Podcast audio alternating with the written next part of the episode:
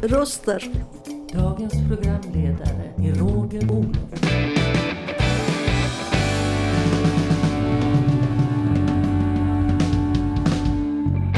Dina röster i vardagen. Välkomna till radiopodden Fontänbubbel. Vi sänder som vanligt från Fontänhuset i Lund.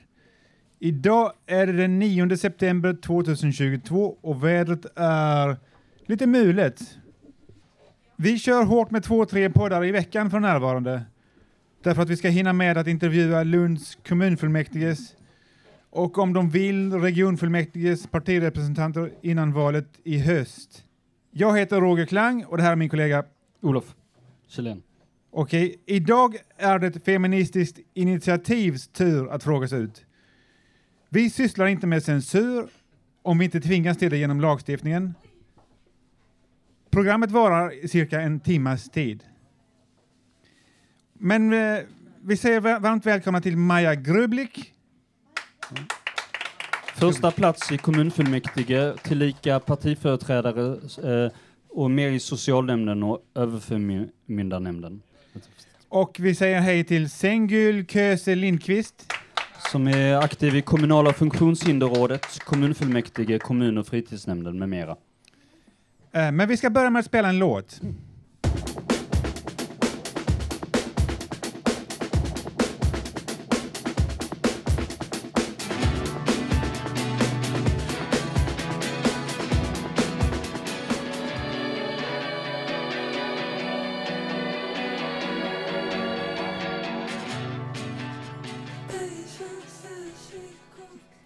Du lyssnar på Fontänbubbel och det vi precis, precis hörde var The Dealer med Nilüfer Janaya, eller Janja, jag vet inte hur det talas. Men hur som helst. Idag eh, har vi som sagt eh, Maja Grublik och Sengül Köse Lindqvist eh, från FI här i eh, studion. Ehm, och eh, eh FI har sedan 2018 två mandat i Lunds kommunfullmäktige, vilket är en ökning med 100 procent sedan 2014. I regionen har partiet dock inget mandat. Ursäkta, men de, de protesterar här. Ja, vi, vi har, eh, Okej. eh, det var faktiskt samma procent som 2014. Okej, Vi men kom det står, en upp, 2014. två, det står 2 procent inom, det står tvåa inom parentes, så du utgick jag för att det var Ja, mandatökningen. Men Nej, det då var fel. samma, så samma. Så Ja, sen okej. 2014 två Ja. mandat. Jo, men då får jag göra en pudel och säga att jag hade fel. Ingen fara. Ehm, nej men eh, de har inga de, de har inga, i regionen så har de ingen företrädare direkt och vilket kan, kanske, kan, och kanske kan ses som en bekräftelse på att vi fortfarande har att göra med ett ganska litet parti. Men de har dock sina allra starkaste fästen i just storstadsregionerna och universitetsstäderna, varav Lund är just en sådan. Eh, men då har jag en fråga då.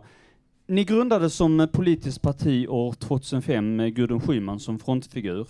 Och eh, ni, hade, ni fick väldigt bra medial uppmärksamhet. eh, men det dröjde ganska lång tid innan, innan, ni- innan, eh, ni kom ens nära riksdagen. Men eh, ni lyckades slutligen nästan att göra då i, nästan i riksdagsvalet 2014 med 3,12 eh, procent eh, efter ett förhållandevis strålande EU-val samma år med hela 5,49 procent. Ehm, efter detta så har ni tappat rejält i popularitet med ert stöd på enbart 0,46 procent i riksdagsvalet 2018. Hur kommer sig detta? Vad är det som gör att många inte längre tycks ha förtroende för er politik? Har ni några synpunkter på det? Ehm, jag vet inte om jag egentligen tror att det handlar om bristande förtroende för politik. Eh, men det är ju min, det är min tolkning. Mm. Jag tänker att det som hände eh, 2014 var en väldigt eh, stark våg eh, och eh, där man såg möjligheter och behov av en, en ny riktning. Och då är det ju så att när man skapar nya riktningar så behövs en ihärdighet och, och fortsätta och, och förklara då varför man behövs till exempel. Ja. Eh, och för ett, precis som du sa innan, ett litet parti Ja. som, som eh, då ju såklart också har mindre resurser på, på alla sätt, så är det Ja. ju svårt att hålla i den här alltid. Det är kanske få människor som vill jätte, jättemycket, men att man inte hinner, orkar, kan och så vidare. Ehm, och det är, vi vet ju också att det är så för väljare att ser man att det kan finnas en möjlighet så, så vågar man liksom lägga sin röst där. Ser man att det inte alls är möjligt så blir man mer tveksam. När du säger ny riktning, vad menar du då?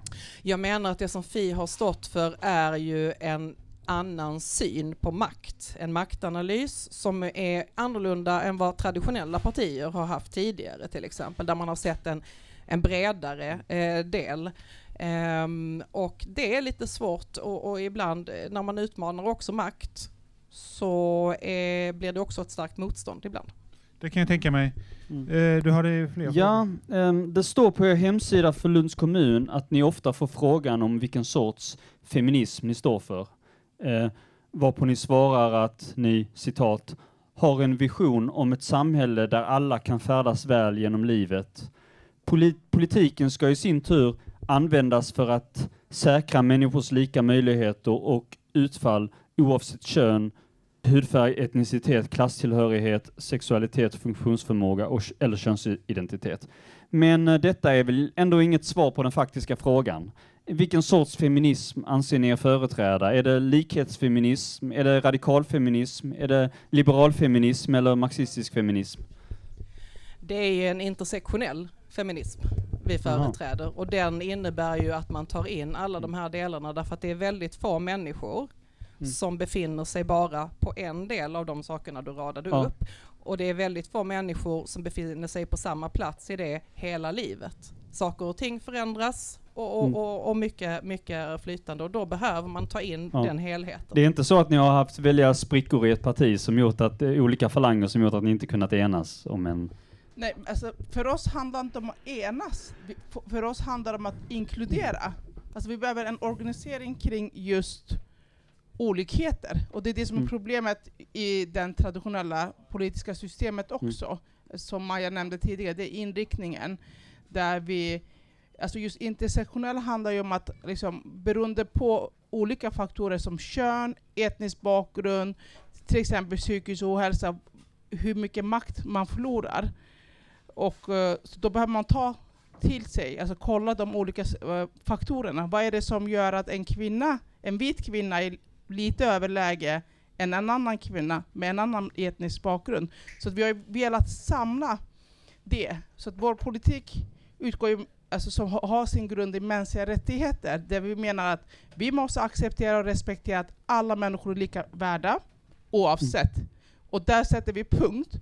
Och sen måste vi ha en politik och fördela resurser efter det, alltså rättvisa till alla Är grupper. det då en form av analys som ni gör då som ni Precis. sen bygger en politik på eller på något sätt? Precis.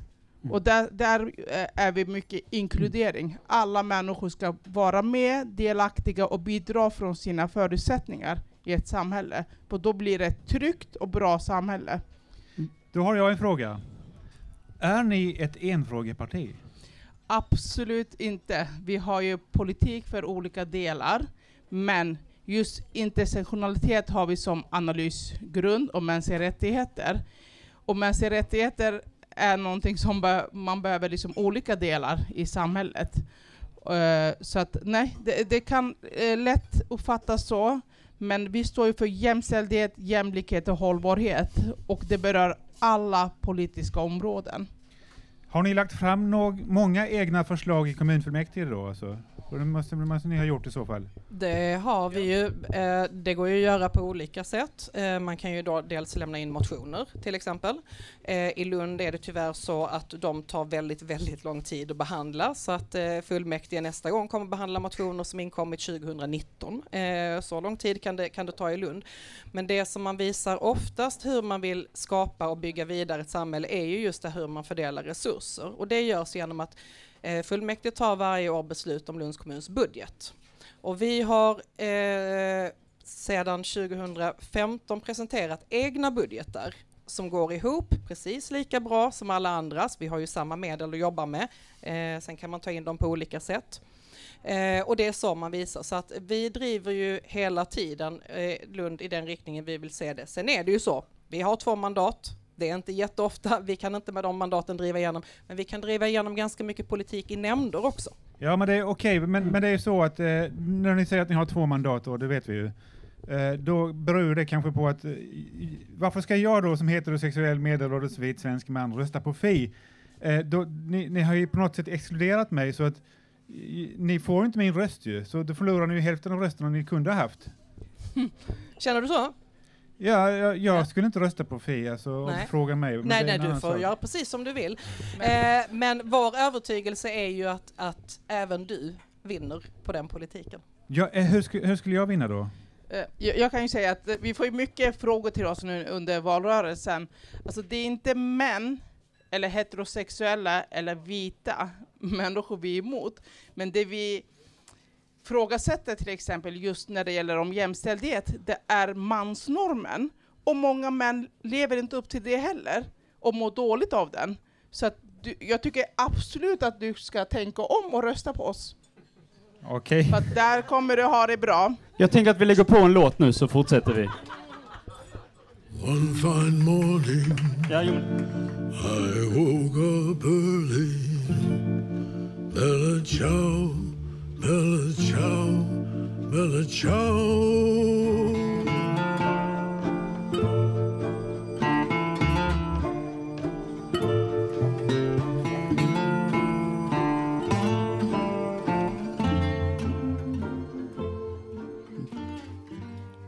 Du lyssnar på Fontänbubbel och det vi precis hörde var Bella Ciao eller på engelska Goodbye Beautiful med Mark Ribot och Tom Waits. Och eh, det var eh, du som hade valt den låten.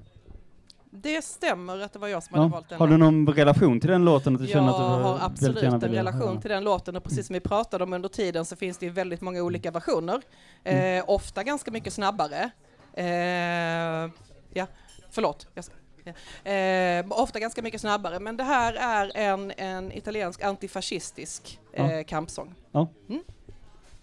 Då har du no några fler frågor. Ja, eh, har ni lagt några riktiga förslag om miljöfrågan här i Lund? Förslag som inte har med gender eller ras att göra? Och vilka förslag har ni i så fall lagt? Eh, vi har ju under den här mandatperioden eh, i fullmäktige beslutat om en ny eh, Lunda-eko, som det heter, som är liksom kommunens övergripande program för hur man ska jobba med klimat och miljöfrågor. Och där försökte vi eh, ivrigt att eh, snäppa upp eh, ambitionsnivån och att sätta mätbara mål. För vi tycker att man kan ju faktiskt inte säga Nej, men vi vill absolut förbättra klimat och miljö, men vi vill inte riktigt berätta hur och vi vill inte heller mäta det, utan vi har, vi har försökt påverka. Det har vi gjort även tillsammans med andra partier som vi ofta samarbetar med också. Okej. Och vi eh, har ju också, jag kan bara lägga till, att vi motverkar allt som inte är bra för miljön. Så det har vi konstant gjort i fullmäktige och Till nämnder. exempel utbyggnad av E22. Okej, så ni har gått hit idag då? Eh, nej, jag har åkt Jag, jag har cyklat. Ja, det, det är cykeln. Ja, ja. Hur, hur ser Det ni? är bra, välkommen till klubben. Hur ser ni i Fi här i Lund på skolvalet? Menar du, menar du fritt sök? Är det det? Ja. Ja, Ja, precis. Nej, men vi tycker inte att det är en bra modell som man har idag. Vi tycker att man bygger ehm, en sorts elitskolor med det systemet som finns där det skapas en otroligt hög press eh, på elever både att komma in eh, på den skolan och sen att eh, klara av eh, utbildningen och det tycker vi inte är en bra miljö för varken, framförallt inte eh, elever men inte heller eh, skolpersonal. Så vi vill ju också ha en närhetsprincip. Det är inte toppen för alla att behöva åka, ta sig, liksom lägga mycket restid och energi till skolan till exempel, utan vi vill ju ha möjligheten till en bra utbildning eh, på plats. Alltså Lu- Lunda elever, ö, skattepengar från Lundabor ska tillbaka till Lundabor. Då kan vi inte ha, utesluta ungdomar från våra gymnasieskolor. Mm. Så där menar vi på att vi behöver ta ansvar för de ungdomarna som inte kommer in och måste läsa någon annanstans. Och sen också kräva av andra kommuner faktiskt fixa egna gymnasieskolor. Så vi kan ju inte ha hur många gymnasieskolor som helst. Och vi måste framförallt ha det för våra ungdomar. Så eh, kommunerna ska fixa egna eh, skolor och vi ska samtidigt inte ha några gemensamma skolor, eller? Jo, alltså, vi vill ju ta emot från andra, men inte genom att eh, skicka ut våra elever till andra kommuner. Ja. Så alla Lundabor ska kunna gå i skolan i Lund. För att, eh, ja, som Ma- Maja sa, närhetsprincipen är viktigt. Det är inte bara skolan, det är umgänget, fritidsaktiviteter för de här ungdomarna måste hö höra samman. Så ni tycker helt enkelt det är ingen bra idé med sko fria skolvalet alltså? Det är väl det ni säger? Inte i den formen, det inte i den formen Nej, det är okej. idag, för Ja, det ja. handlar också om vilka förutsättningar. Alla elever har inte samma möjlighet till stöd hemifrån som gör att man kan ta de här, göra de här valen och besluten. Om man pratar om valfrihet så förutsätter det faktiskt att alla har samma möjlighet att ta del av informationen och göra de valen. är Jo, men samtidigt har det inte, blir det inte problem för de som vill bo i en annan kommun och kanske inte har den service att om de vill söka sig en viss utbildning, om den bara finns i Lund, ska man då exkludera dem? För Nej, nej, det är inte det vi säger, Mm. men vi säger att det systemet som vi har idag är inte optimalt och att Lund då bygger fem gymnasieskolor och så finns det kommuner som inte har någon gymnasieskola alls. Det tycker vi inte är toppen. Okej, ja. Jag förstår. Hur ser ni i FI här i Lund på försvarsfrågan? Och finns det något incitament för samverkan mellan kommunen och Södra Skånska regementet inom Lunds kommuns gränser? Vi förespråkar ju som parti i stort ett starkt civilförsvar. Eh, Och inget annat? Vi har en antimilitaristisk hållning. Vi ser inte att det är eh, väpnad militarism som ska öka, den ska minska. Eh, och jag vet att det har varit ett kritiserat eh, uttryck ofta, men det går faktiskt inte att kriga sig till fred. Men vad ska ni då göra med eh, Södra Skånska regementet? Det bestämmer ju inte Lundapolitikerna Nej, om. nej. Eh, så att det, det, det, har vi inte behövt Men om ni, hade, om ni hade fått välja, då, vad skulle ni gjort med Södra Jag tänker att det, precis som sa, där finns ju eh, goda möjligheter till att ha ett starkt civilförsvar, för det är ju massa saker som försvaret gör idag som inte handlar om väpnade konflikter. Okej, då tackar jag för Ja. det och då kanske du skulle ta upp Ja, lite... jag tänkte vi lägger på en låt först. Så.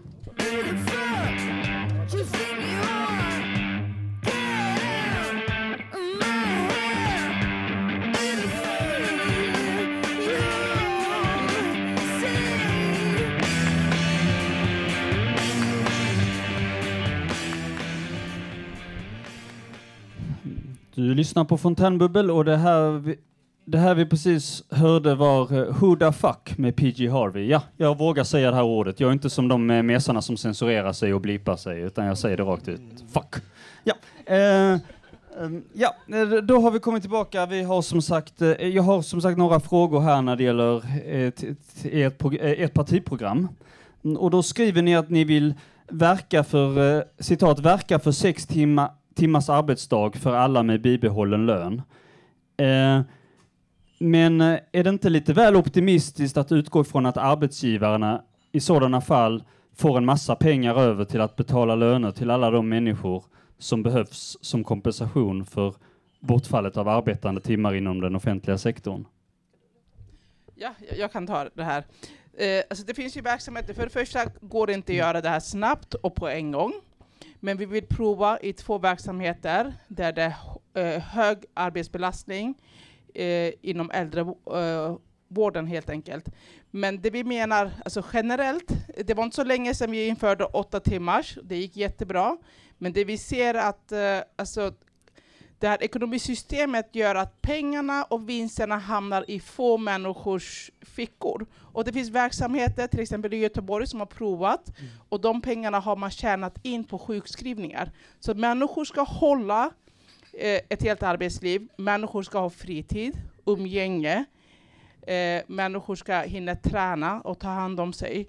Och då krävs det, menar vi, att eh, vi kommer tjäna in dem på sjukskrivningar. Och det kostar miljarder.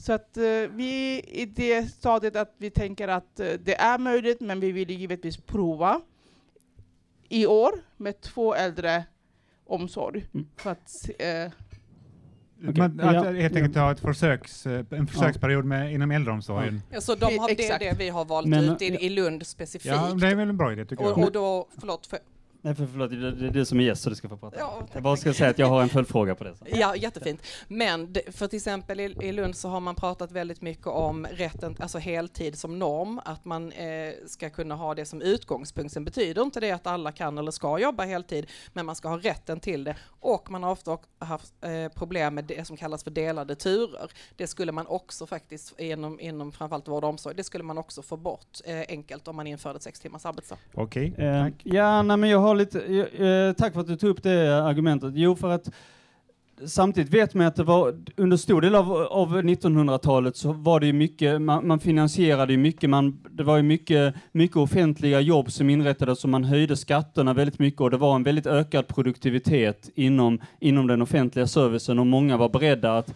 ta på sig att, eh, att avsätta och för att de, de insåg att de ändå fick mer för det så att säga. Men idag är det inte riktigt så. Alltså, de, alla alla sådana här eh, beräkningar och sånt som utredningar har gjort har visat att det är väldigt låg produktivitetsökning i dagens offentliga sektor. Så det är ganska svårt att göra den typen av, eh, fortsätta på samma sätt som eh, eh, standardförbättringar på det sättet som man gjorde då. Och vi har ju som övergripande mål absolut inte en produktivitetsökning i sig, eh, utan det, det, vi kan liksom Men inte det, det, det har varit det som har drivit, som gör, gjort att man har kunnat göra det från början. Då har det ändå varit, ändå satt, produktiviteten ändå satt ramarna för vad som är möjligt att göra. Det Ja. som, för du använde det som argument att vi hade åtta timmar en gång i tiden. Precis, men man pratar ju också om vad som ryms inom den tiden och vad det är som ska göras och faktiskt också rimligheten i vad en person, oavsett om den jobbar åtta timmar eller sex timmar, ska göra under den tiden och vad man ska kunna ha ork till att göra den andra Okej. tiden. Ja, eh, då tackar jag för det. Jag har en fråga till. Eh, Ni skriver också vidare i ert program att mm, staten inte bör subventionera hushållsnära tjänster eller privata renoveringar av bostäder utan istället använda skattepengar för den gemensamma välfärden. Inom citat. Och menar rent av även att citat, även låginkomsttagare idag tving, tvingas använda sig av rutavdrag för att få del av den tjänster av de tjänster som tidigare tillhandahölls av den offentliga sektorn. Men då, då menar jag, då låter det som att ni är helt säkra på att dessa tjänster som nu subventioneras privat, att de tidigare skulle ha utförts just av offentliganställda. Är det inte minst lika tänkbart att dessa uppgifter utfördes svart en gång i tiden? Alltså dels så finns det ju faktiskt eh, genomgångar som visar att det här inte har påverkat eh, i den omfattningen som man har eh, använt argumentet. Man har ju använt argumentet mycket att det här ska ta bort svarta tjänster. Då förutsätter man ju på något sätt att vissa tjänstesektorer helt enkelt jobbar så kapitulerar inför det och inför en sorts bidrag istället. Ja, Och eh, det är ju också vissa, vissa tjänster detta, detta gäller. Men eh, förlåt, din fråga igen, du menade att Ja, alltså är det verkligen, jo, jo precis, det var just det jag frågade, att, det- att det, det låter ju som att ni utgår från att det var offentliganställda, att, det, att, att de som idag jag arbetar privat, det Mm. finns väl minst lika mycket som tyder på att de, de hade svartjobb tidigare, många av in, dem. inte offentliganställda, men däremot om, om, eh, om man köper en sådan tjänst, precis som man köper vilken tjänst som helst, så Mm. behöver man ju kunna vara beredd att, att betala för den också. Ja, fast jag skulle komma till det för att det infördes ju att, att eftersom det bedömdes som många vara ett problem som, jobb, som forskade här om i äldreomsorgen att när, när många saker rationaliserades bort och, och sånt att, och att för att man skulle kunna få tjänstesektorn att, att öka så, så behövde man ta bort vissa skattekilar som, mm som, gjorde att, som, gjorde, som var ganska höga, alltså det här när man säljer vidare en tjänst till en annan, så, var det, så var det, gjorde ju att det var svårt att att, att få till en uppkomst av en marknad för just dessa tjänster. Där. Men kan man inte se det som att det har varit en nu, nu att eftersom det har blivit en sån här möjlighet för många att ha, köpa de tjänsterna så har, det, så har ju många, bo, många, inte minst nyanlända kvinnor, många gånger lyckats få en chans att bli självförsörjande och till och med tjäna relativt bra. Fast det, är en- det, där, där har du en viktig poäng också. Vem är det som har sagt att eh, just nyanlända kvinnor ska jobba inom den tjänstesektorn? Då bygger vi också, fortsätter vi Jo, jo, bygga ett samhälle där vi dels värderar jobb och vem som ska utföra dem. Mm. Men jag tänker att om, om du till exempel säger så här att inom omsorg och, och du tar in offentlig sektor, om jag skulle när jag blir gammal bo kvar i Lund och så skulle Ja. jag bo i eh, något boende inom äldreomsorgen och så ingår plötsligt inte vissa delar därför att man kanske har skurit ner i en budget. Så att jag kommer inte få hjälp med kanske att handla min mat eller städa Ja. mitt hem om jag inte kan göra det själv. Mm. Då menar vi inte att det ska läggas ut på den privata sektorn och sen att det ska subventioneras. Det ska finnas i den tryggheten. Det, de behoven jag har när man färdas genom livet så som ni tog upp innan, Ja. de ska tillgodoses inom den kärnverksamheten som kommunen bedriver. Jo, fast jag tänkte komma till det, för där, där har det ju varit ändå, många av de tjänster var ju, var ju så här tidigare bekostade av kommunen, men så rationaliserade man ju bort och la ner och man fick ju på sätt och vis eh, sänka lite ambitionsnivån, så det är väl bra att det i alla fall har tillkommit på något sätt, liksom att det ändå finns möjligheter och att det ändå finns möjligheter även som pensionär att kunna skaffa Mm. sig dessa tjänster. Ja, eh, så det är välfärdspengar, det är skattepengar. Så att ROT och RUT, det är inte gratis, man har ju liksom subventionerat det. Och de som det som händer med det, att det är bara rika människor, människor som äger bostad och hus, som får tillgång till de här tjänsterna. Så att då vill, menar vi på att Fast är det det verkligen? Ja, så är det. Alltså om du, vad är det du ska bygga om om du inte äger huset liksom? Då, då kan du inte utnyttja den förmånen. Och då är det de som äger och de som har en viss inkomst som kan utnyttja de här tjänsterna. Så att eh, i praktiken blir det alltså att de som har det gott ställt får mer av staten. Och det, tyck, det tycker inte vi är, är rimligt med välfärdspengar, för att välfärdspengar ska just gå till människor i behov. Men det är ju också en fråga om vad man anser vara ett gott ställt. Det är ju det, är Ja. det som är frågan. Det, det, det, är ju en ganska flytande skala om man säger så. Alltså gott ställt betyder ju inte att man, är, man har 30 miljoner på banken, Nej. utan det kan ju betyda att man har ett bra jobb med eh, 40 000 eller 30 000 i månadslön eller något sånt här. Jag kan ta mig själv som exempel. Jag har ett, ett jobb, ett, ett stabilt jobb med en absolut god lön. Jag har eh, den otroliga privilegiet att eh, tillsammans med den jag lever med äga en bostad. Eh, men jag anser inte att någon annan ska betala för mitt val att ha lån. Ingen annan ska betala för mina ränteavdrag. Ingen annan ska betala eh, för de tjänster jag väljer att köpa. Det ska jag göra själv. Okej, men då, då Ja, tackar vi väl tackar vi dem. för oss och så lägger vi på en låt och så släpper vi in publiken. Om inte du har något mer att tillägga. Nej, det var bara...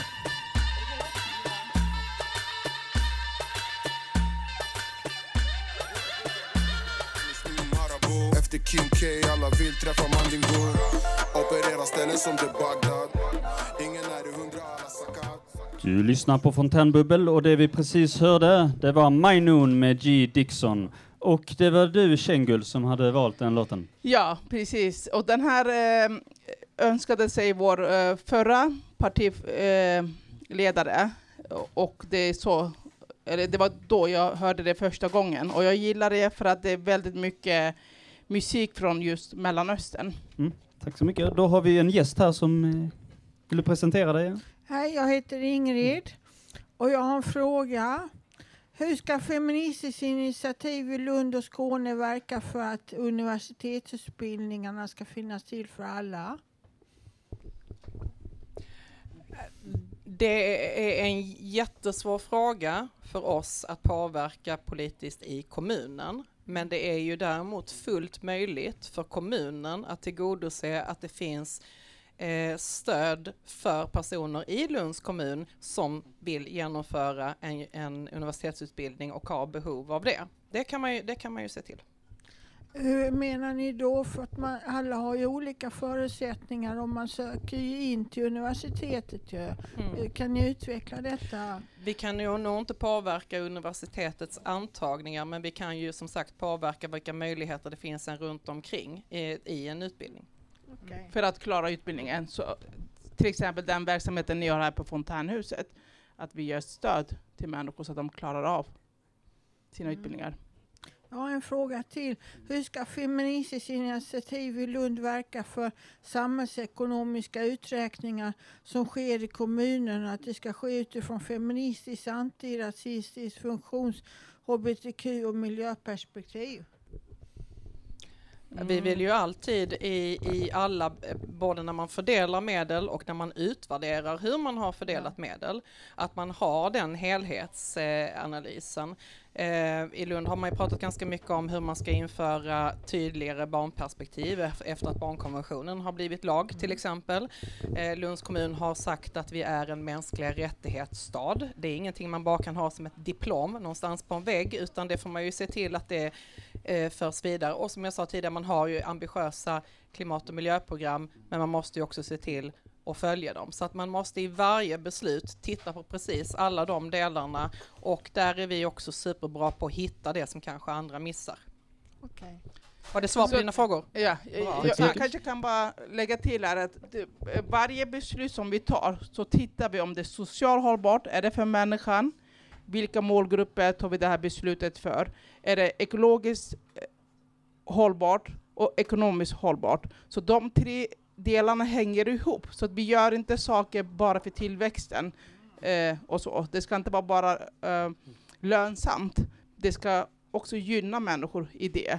Så att eh, vi- har ju den och vi tillför just det perspektivet, vilket de som ligger nära oss ideologiskt uppskattar det väldigt mycket. Så att det är alltid någon målgrupp som man utesluter och oftast är om och om igen samma målgrupp. Till exempel med människor med funktionsnedsättning. Och det, det är inte rimligt och det är inte utifrån mänskliga rättigheter är okej. Så det betyder egentligen i praktiken att vi diskriminerar vissa människor genom att inte fördela resurser och ha dem i be- beräkningen. Tack. Tack så mycket. Och vi har en eh, ny gäst här. Vad heter du? Hej, hej, tack så mycket. Eh, jag heter Eva Cecilia Gullén eh, och jag har en väldigt laddad fråga. Ni jobbar mot fysiskt och sexistiskt våld eh, och intersektionella värderingar tycker jag är jättebra och jag tycker att det är verkligen en fin värdegrund som jag starkt sympatiserar med. Men eh, med tanke på att jag blivit så illa behandlad och bemött och osolidariskt bemött, av kvinnor med avundsjuka så har jag länge jobbat med frågor som berör män och deras behov. Som till exempel hemsidan minpappa.nu där man tar upp att män blir ifråntagna sina barn med manipulationer. Jag tar alltså upp hur kvinnor manipulerar, kvinnor uppenbarligen konkurrerar, kvinnor baktalar fädrar, kvinnor använder barn som utpressning, använder psykiskt våld i familjen, utpressning mot fädrar, utpressning sen ner på attityd, kvinnor armbågar sig fram i karriären mot andra kvinnor, fula härskartekniker, fula tricks, tyst mobbing och osynligt våld, avundsjuka och missunnsamhet. Det är alltså en definitionsfråga. Vad, är det, vad tycker ni om misogyni? Är det inte egentligen kvinnor som konkurrerar mot varandra som är misogyna? Alltså väldigt svår, alltså generellt om man kollar strukturellt så är det, det är kvinnor som går upp i, som är underläge. Men det är klart att kvin, det finns kvinnor och det finns män som använder sig av det systemet som råder. Mm. Så att alltid ska någon vara underläge eh, i en relation. Eh, så att eh, det, det, Det är ett bra svar. Ja, alltså Ja, det, mm. det är svårt, men det är därför jag menade i inledningen här att det är inte, det är inte männen som vi, vi kan motarbeta, det är normerna. Mm. I den men normen, jag känner, så här, som ni säger att i ni den motarbetar normen- mansnormen, men ni, till exempel eh, män var ju uteslutna ur, ur eh, metoo, och ni säger till exempel att ni är inkluderande, ni inkluderar, men ni, ni har nära mansfrågor. Vad sa du? för- när gör vi inte? Alltså det, det är det jag sa också, att det finns väldigt många män som mår dåligt av mansnormen. Det kan jag hålla med. Och normen gör ju någonting, till exempel att eh, alltså man får ju kolla i vårdnadstvister vem som Mm. är mest lämplig. Men, Men Normen är är att mamman är bäst. manipulerar mest lämplig? nej, men normen är ju att kvinnor ska ha och mest lämplig. Men det behöver inte vara det. Men Då så behöver man är ju det ju, kolla man på- anser att kvinnor alltid Ja, är nej, lämpliga. men det är normerna som ja. vi... Och det är många män som råkar ut alltså, Jag anser illa. att det finns en kvinnonorm, är det inte så? Ja, äh, men äh, ja, det, det finns ju. Alltså, vi har ju, Mm. lever också under normer och vi trycker ju ner varandra också Och konkurrerar. och konkurrerar. Men varför gör vi det? Mm. Det är bara att vi förhåller oss till en annan norm, mansnormen. Mm. eh, vilket ställer till för oss. Mm. Så att eh, alltså jämställdhet är ju att människor ska finnas. Du är du, jag är jag, på grund av väldigt många olika faktorer. Mm, mm. Och då ska vi kunna vara det. Men när man kollar på kvinnor som grupp, då ser vi att de har mindre makt som grupp Mm. Jag gentemot inte en med. majoritet. Jag tycker att kvinnor har mer makt. Det finns alltid en kvinna bakom en framgångsrik man. Tack så mycket. Ja. Eh, då, Så är det säkert, men det... Vi, innan vi spelar en låt ska vi ställa en fråga till här. det, Vad betyder inse, in, intersektionalistisk? intersektionali- intersektionalistiska. Jätte, eh, så här, vi har både ett jättedåligt partinamn som är supersvårt som vi själva snubblar på hela tiden och sen så har vi en ideologisk grund som är precis lika knepig att säga. Jättedåligt val egentligen. Men jag tycker vi har varit inne på det ganska mycket och Kjengul beskrev det också här. Intersektionalitet betyder ju att det finns olika skärningspunkter, att vi inte befinner oss bara i en identitet till exempel eller i en position i den här maktordningen som påverkar oss alla, vare sig vi vill eller inte, så, så, så är det så eh, det ser ut. Utan då tar man in alla de här olika delarna som handlar om hur makt fördelas och hur makt inte fördelas. Eh, eller Hur man skär upp kakan med andra ord. Eh, Hur man skär upp kakan eller om man ens får komma i närheten av kakan. Okej, eh, men vi skulle spela en låt. Ja.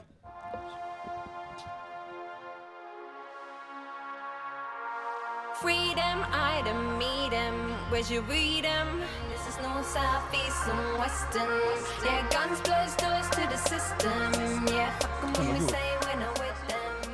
We solid and we don't need to Du lyssnar på Fontänbubbel och det vi precis hörde var MIA med Borders. Eh, vi har en eh, ny, ytterligare en eh, gäst här. Hej, vad heter du? Jag heter Göran. Hej, välkomna hit. Jag har tre frågor. Två är mest kuriosa. Fi. När ni valde det namnet så kom jag genast att tänka på våra militärböcker när vi, när vi låg i lumpen. Och jag tror inte det var någon tillfällighet. Fi, det betyder alltså på i militärspråk fiende.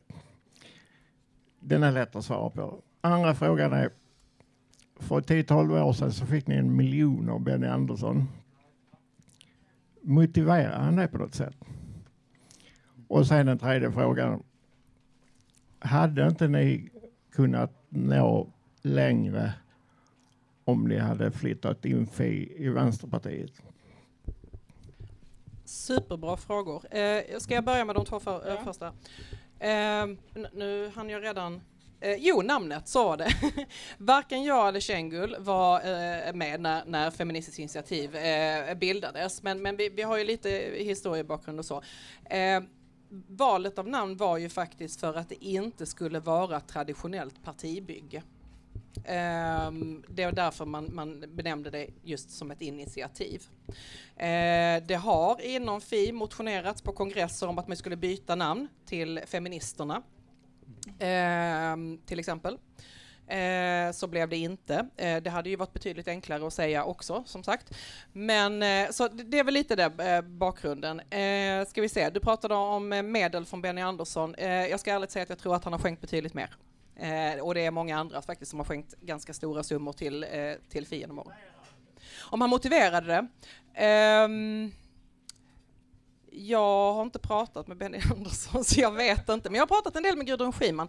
Jag tänker att han motiverade det just därför att han såg att det var en annan dimension och en annan kraft som behövdes, vilket ju i och för sig, du får, är det okej med, som för dig lite in på din sista fråga som är intressant och relevant, för det är ju väldigt många som frågar det och, och som har gjort det tidigare också, varför behövs ni när Vänsterpartiet finns och så vidare.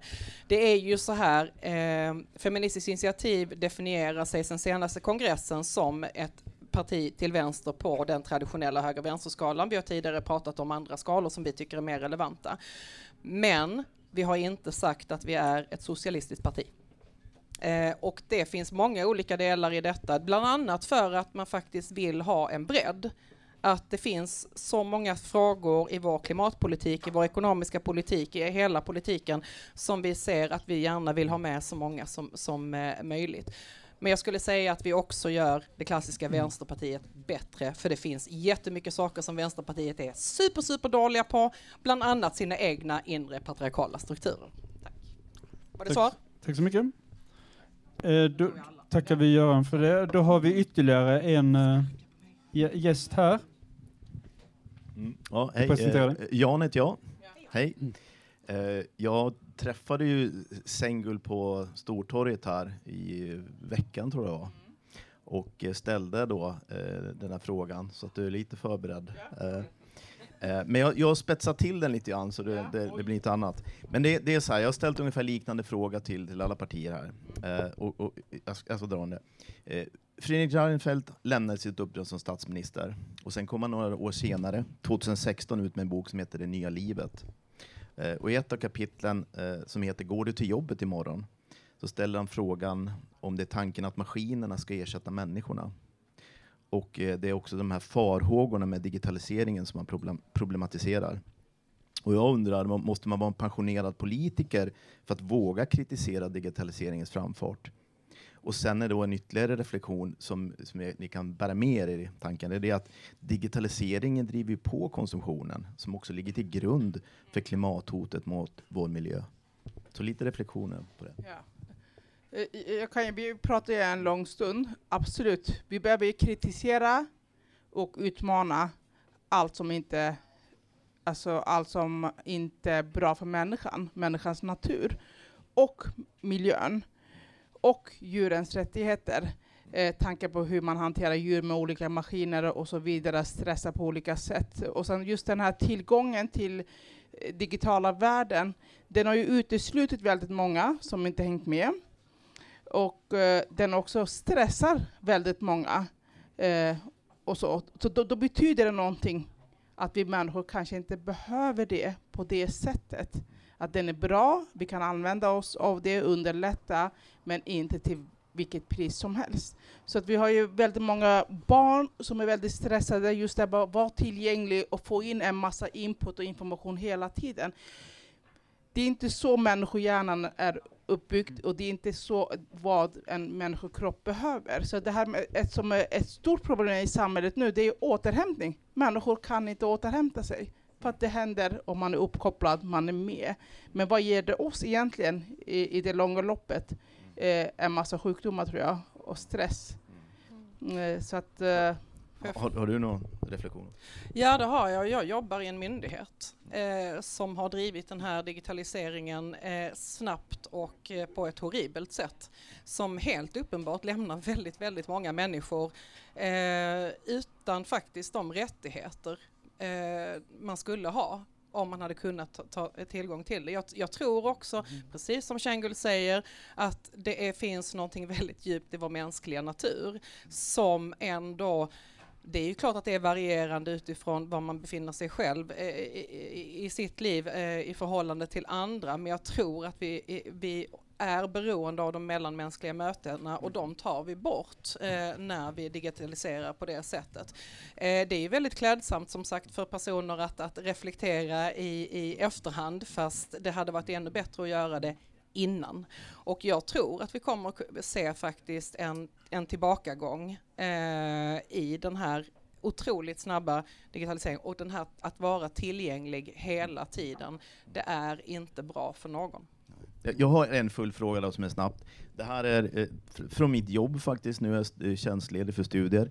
Men eh, en av de tidningar som är ute heter Kvalitetsmagasinet, och eh, det blir reklam här, men det, det struntar vi i. Men jag sitter och säljer på konferenser, Förändringsledningsdagen, Kvalitetsmagasinet live och liknande. Den bevakar då det som händer mycket inom, inom digitaliseringen. I en av artiklarna här så är det Upplandsbro kommun, det är en bild på en robot, han heter Robin eh, och tillverkas av ett robotföretag. Eh, och då ser man på bilden där hur det är en skärm och så sitter det då en kommunarbetare hemifrån och jobbar på distans. Så att man ska kunna få den servicen där i Upplandsbro kommun. Jag möter den här roboten och så sitter en medarbetare på distans. Min farhåga är ju att den här medarbetaren lika lätt skulle kunna bytas ut mot en AI-bot. Eh, skulle ni, då, då blir så frågan, skulle ni ställa upp på det om det här kom i Lunds kommun? Nej, absolut inte. Och, och vi har ju haft, man, det finns ju diskussioner och projekt som man vill driva för att till exempel, eh, som man har gjort inom socialtjänsten i Lund faktiskt, att, att till exempel i, i första kollar bedömningar av ansökningar om, om försörjningsstöd, att göra en första koll av det som man skulle kunna göra via, via AI. Eh, är det rättssäkert? Så har vi egentligen inga problem med det i sak, men det får inte innebära att det tar bort resurser i form av personer som faktiskt arbetar. Det kan vara en vinst att man att liksom genom det köper tid för det som faktiskt är det riktiga, reda arbetet, men det får inte ersätta. Så att eh, på den frågan så är svaret nej. Ja. Då tack. Jag vill inte möta Det- det Robin Robot. Det, det är många partier som vill lösa eh, kompetensförsörjningen, eh, miljöfrågorna just med ny teknik. Och det är klart, eh, det är inte så att vi motverkar det, men vi är stark motståndare till vissa grejer som inte är helt enkelt bra för människan. Eh, och där har man inte sett, alltså barn som använder mycket iPads i skolor och ersätter, alltså man har ersatt eh, läroböcker. Det är ingen som har gjort konsekvens och riskanalys på det. Vi har bara liksom fortsatt, och allt ska gå snabbt och det ska bli billigt. Eh, och vi ser det i väldigt många olika plan, och vilket skapar mycket andra problem i sin tur. Men det skiter vi i. Okej, då Som låter det som att ni är överens med utfrågaren här. Eh, En sista grej som jag vill bara säga supersnabbt. Det finns också jätteviktiga integritetsaspekter i, i den frågan och det värnar vi absolut, den individuella integriteten. Tack. eh, ja, eh, då tackar vi Jan för det. Då har vi ytterligare en gäst. Vill du presentera dig? Ja, jag heter Claudia och eh, alltså jag har bara en enkel, en enkel fråga här. Och det är att ni har pratat om det här med manliga, alltså den manliga strukturen vi har. Men vad gör feministiska, initiativ för att jobba mot det? Och blir det inte liksom också en fälla för oss kvinnor att hela tiden säga liksom att ah, men jag kan inte för jag är kvinna, typ. och, alltså, det blir det svårare för mig för jag är kvinna. Och att i, längden så kan det bli en egen självfälla.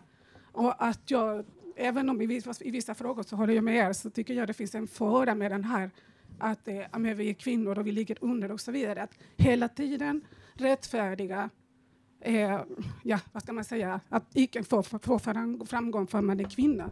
Är ni med? Så att, vad gör alltså, Feministiskt initiativ, initiativ för att jobba mot det där? Alltså att, att liksom det här offermentaliteten som kan finnas hos många människor.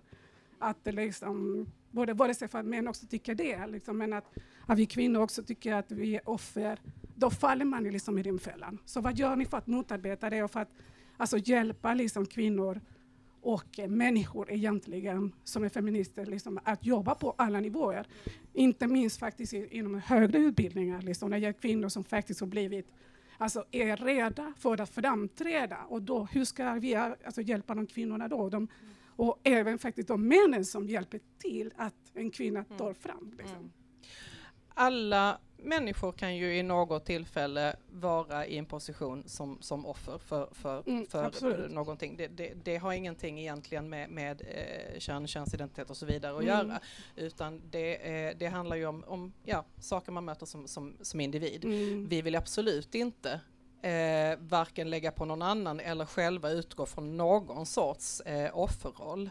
Utan det handlar ju om att just att makten ska fördelas eh, rimligt och, och Mm. proportionerligt. För varför, varför, ska, varför ska jag ha mindre makt än någon annan? Och det handlar ju också om, absolut, att, att eh, det, nå- om, jag, om jag tar den platsen så kan det, kan det vara så att någon annan behöver behöver ge bort en del av sin plats. Men Mm. oftast är det ganska rimligt. Däremot att den platsen som då vi tar som, som, som parti eller som vi ser i ett samhälle är ju att det ska alla kunna göra. Alltså Mm. det, det ska inte vara avhängigt av vem du är, om jag säger det förenklat, utan vad du vill. Ja, jag, Eh, ja, om jag får bryta det, alltså jag, jag tror jag förstår vad ni menar, liksom, men det, alltså, för ordförande blir det liksom, vad tycker den enskil- enskilda kvinnan?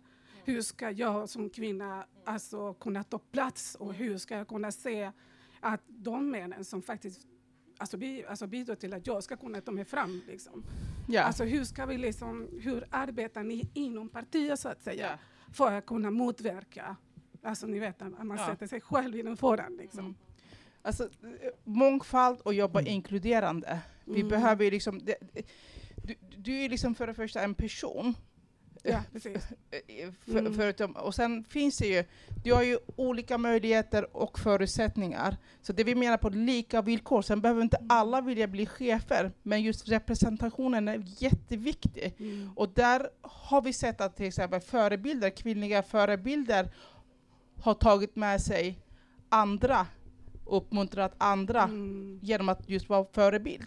Men det saknar vi, det- det pratas ju om något som heter glastak, vi kommer och sen, ham- och sen Ja, och så stannar vi stannar där. det. Mm. Och det är strukturellt. Mm. Och sen det här du berättar, alltså det är klart att i en orättvis värld Mm. så är det alltid individer oavsett med olika egenskaper och så vidare som blir diskriminerade, som blir förtryckta. Mm. Men det, det är mer moral och etik, liksom hur vi förhåller oss till varandra Mm. och vilken respekt vi visar för varandras vilja och e egenhet, alltså jaget. Eh, så, men vi, så att vi utesluter inte män. Vi har väldigt många män som är med i partiet eh, i olika kommuner och så. Så det är normen som vi hela tiden förhåller oss som är problemet. För att människor är så olika. Mm. Så det är mer skillnader mellan individer än som, mellan män som grupp och kvinnor som grupp. Eh, Så att eh, så det är klart att det till- finns liksom problem överallt, men det ska inte vara ett strukturellt problem. Det är det vi Mm. har problem med. Ja, eh, då tackar vi så hemskt mycket. Tiden har runnit ut, vi, men det har varit en jätteintressant podd och vi eh, tackar, eh, vi, tackar publiken. Ingrid, Eva Cecilia, Göran, Jan och Claudia. Japp, och så tackar vi inte minst våra, våra politiker här från Feministiskt initiativ, Maja Grublik och Senguld Lindqvist. Och så tackar vi naturligtvis eh, eh, tekniker, vår tekniker Per och eh, alla åhörare och lyssnare. Och det här var sista podden. Det här var sista valpodden, så nu ska vi vara för Ja, varsågod. Jag vill ändå avslutningsvis säga att det är jätteviktigt att ni röstar. Det är svårt, så som politiska kartan ser ut och hur politiker eh, framlägger saker och sen gör något annat. Men det är ändå viktigt att era röster syns. Tack så Då mycket. slänger vi på den sista låten. Det är Batmobile med Liz Fair.